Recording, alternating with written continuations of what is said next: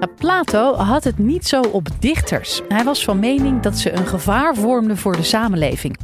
Nou, schrijvers waren dan ook niet welkom in zijn ideale staat. Ze hadden volgens hem geen verstand van de waarheid. Het enige wat zij deden was onzin verkopen. Nou, had Plato gelijk? Kan het lezen van bepaalde literatuur een gevaar vormen? Geert Buelens van de Universiteit Utrecht beantwoordt die vraag in deze podcast. Live vanuit Club Air is dit de Universiteit van Nederland. Wie van jullie denkt dat eigenlijk? Dat lezen, verhalen, verbeelding zo gevaarlijk kan zijn dat ze maar beter beteugeld wordt? Nee, helemaal niemand. Iemand die aarzelt? Kijk, toch iemand die dat vindt. Nou, hij bevindt zich meteen in goed gezelschap, want dat was ook de visie van Plato. Jullie allicht bekende Griekse filosoof. Hij heeft geregeld over literatuur geschreven. In zijn meest uitgesproken passage hierover vindt hij eigenlijk dat schrijvers verbannen moeten worden uit de ideale staat. Heeft hij een boek over geschreven. Dat heet De Ideale Staat. Daar horen dichters, schrijvers volgens hem niet in thuis. Heeft hij verschillende redenen voor. De centrale is dat hij vindt dat schrijvers eigenlijk geen verstand hebben van de waarheid. Plato, filosoof, gaat ervan uit dat alleen filosofen eigenlijk verstand hebben van de waarheid.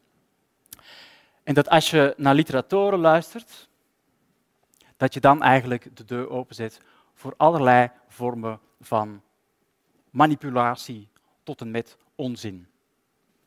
In die context geeft hij aan de manipulatie door in te werken op emoties, want dat is wat schrijvers doen, dat leidt eigenlijk af van de waarheid.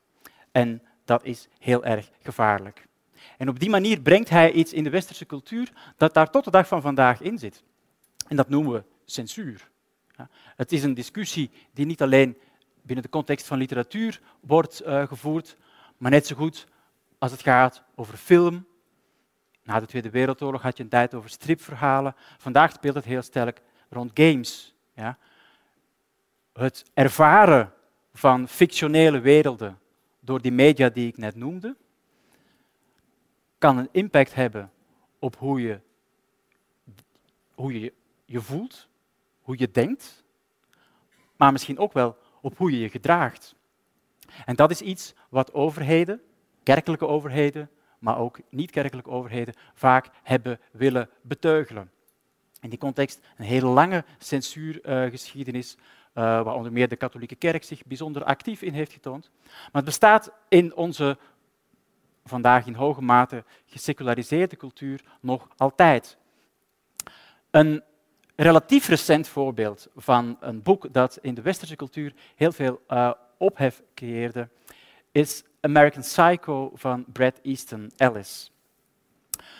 Vooral in de Verenigde Staten worden er soms hele grote bedragen aan auteurs gegeven om een boek te schrijven.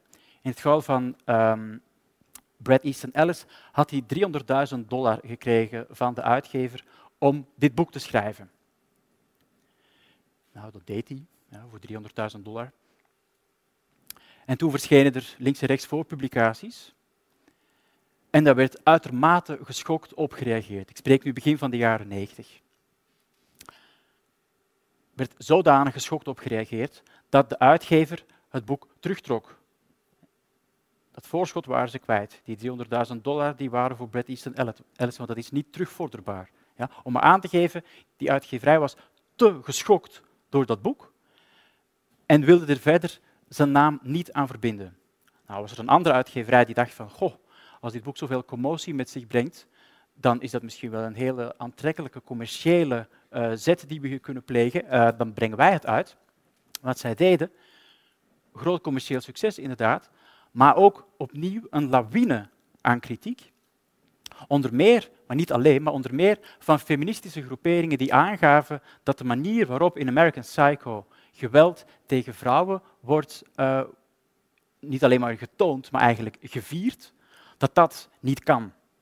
En vanuit die groeperingen werd er opgeroepen om de uitgeverij, waar American Psycho werd gepubliceerd, te boycotten. structureel te boycotten, waardoor dus eigenlijk nou ja, de winst die ze zouden kunnen maken door het verkoop van dat boek uh, teniet werd gedaan.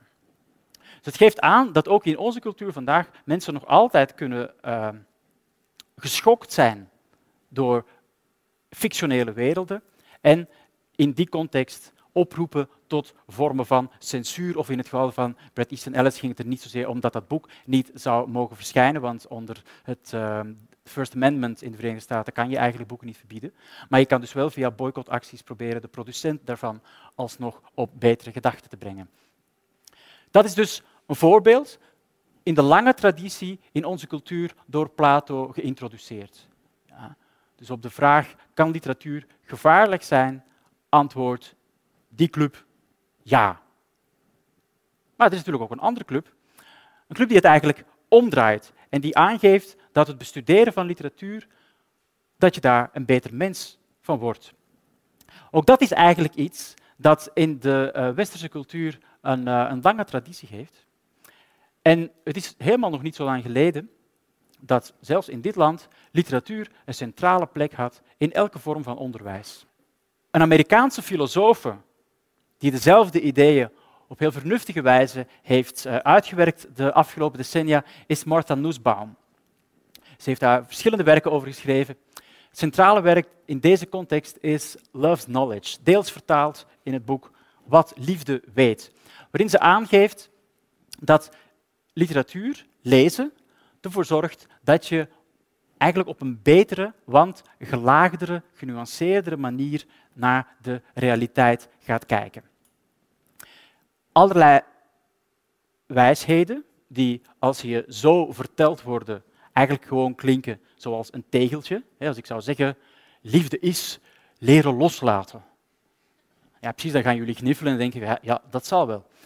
Maar dan lees je een verhaal, in deze context analyseert zij een uh, verhaal van de Amerikaanse schrijfster M. Beatty, waarin zij aangeeft hoe je door die plot te volgen en de emotionele ontwikkeling van dat personage inderdaad leert dat liefde loslaten is, maar dat leer je dus op een veel diepgaandere manier, net omdat je je identificeert met die personages en met die personages meevoelt. En op die manier nou, ben je dan een beter mens. Nou, je bent misschien, als je op een betere manier omgaat met de liefde, ben je misschien moreel wel een beter mens. Maar het geldt volgens haar ook in veel algemenere gevallen. Literatuur leert je om op een andere manier naar de werkelijkheid te kijken.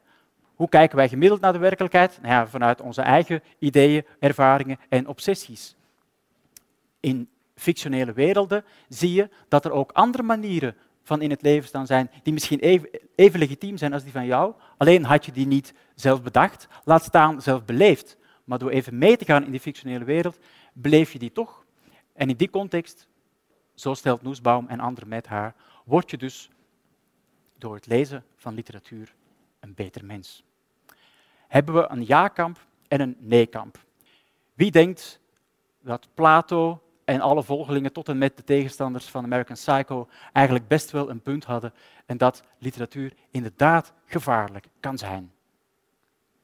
Het probleem met uh, beide stellingen is eigenlijk dat ze nooit echt empirisch bewezen zijn. Ze zijn theoretisch onderbouwd, er zijn goede argumenten uh, voor bedacht, maar ze zijn nooit echt empirisch Nou, dat is ook bijzonder moeilijk om dat empirisch te bewijzen natuurlijk, want dat zou echt betekenen dat je ja, met, met grote controle groepen gaat werken.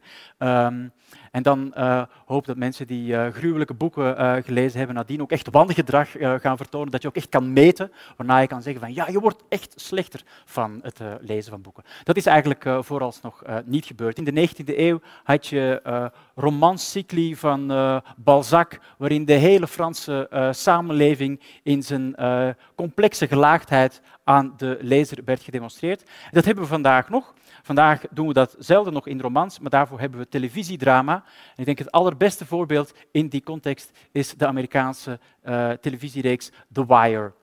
In deze context vertel ik er graag bij dat ik in de 21ste eeuw nog geen groter kunstwerk heb aanschouwd of gelezen dan The Wire. The Wire is een Amerikaanse reeks. Op het eerste gezicht denk je, nou, nog eens een reeks waarin uh, politieagenten drugdealers uh, achter de broek zitten. Nou, dat is ook zo. En vooral het eerste seizoen focust daarop.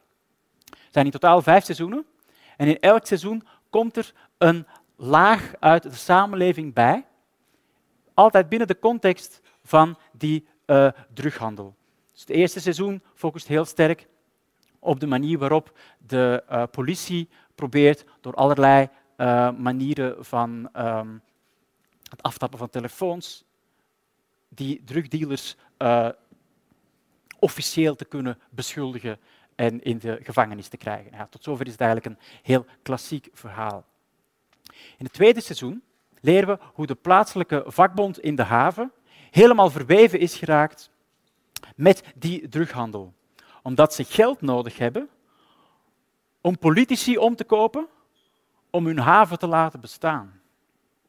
Dus hun is het eigenlijk enkel om hun eigen werkzekerheid te doen, maar in de context van globalisering, waarin uh, dat soort uh, havenarbeid helemaal niet meer vanzelfsprekend is, zie je dus eigenlijk hoe ook organisaties die je niet automatisch met drughandel uh, associeert, daarmee verweven zijn geraakt.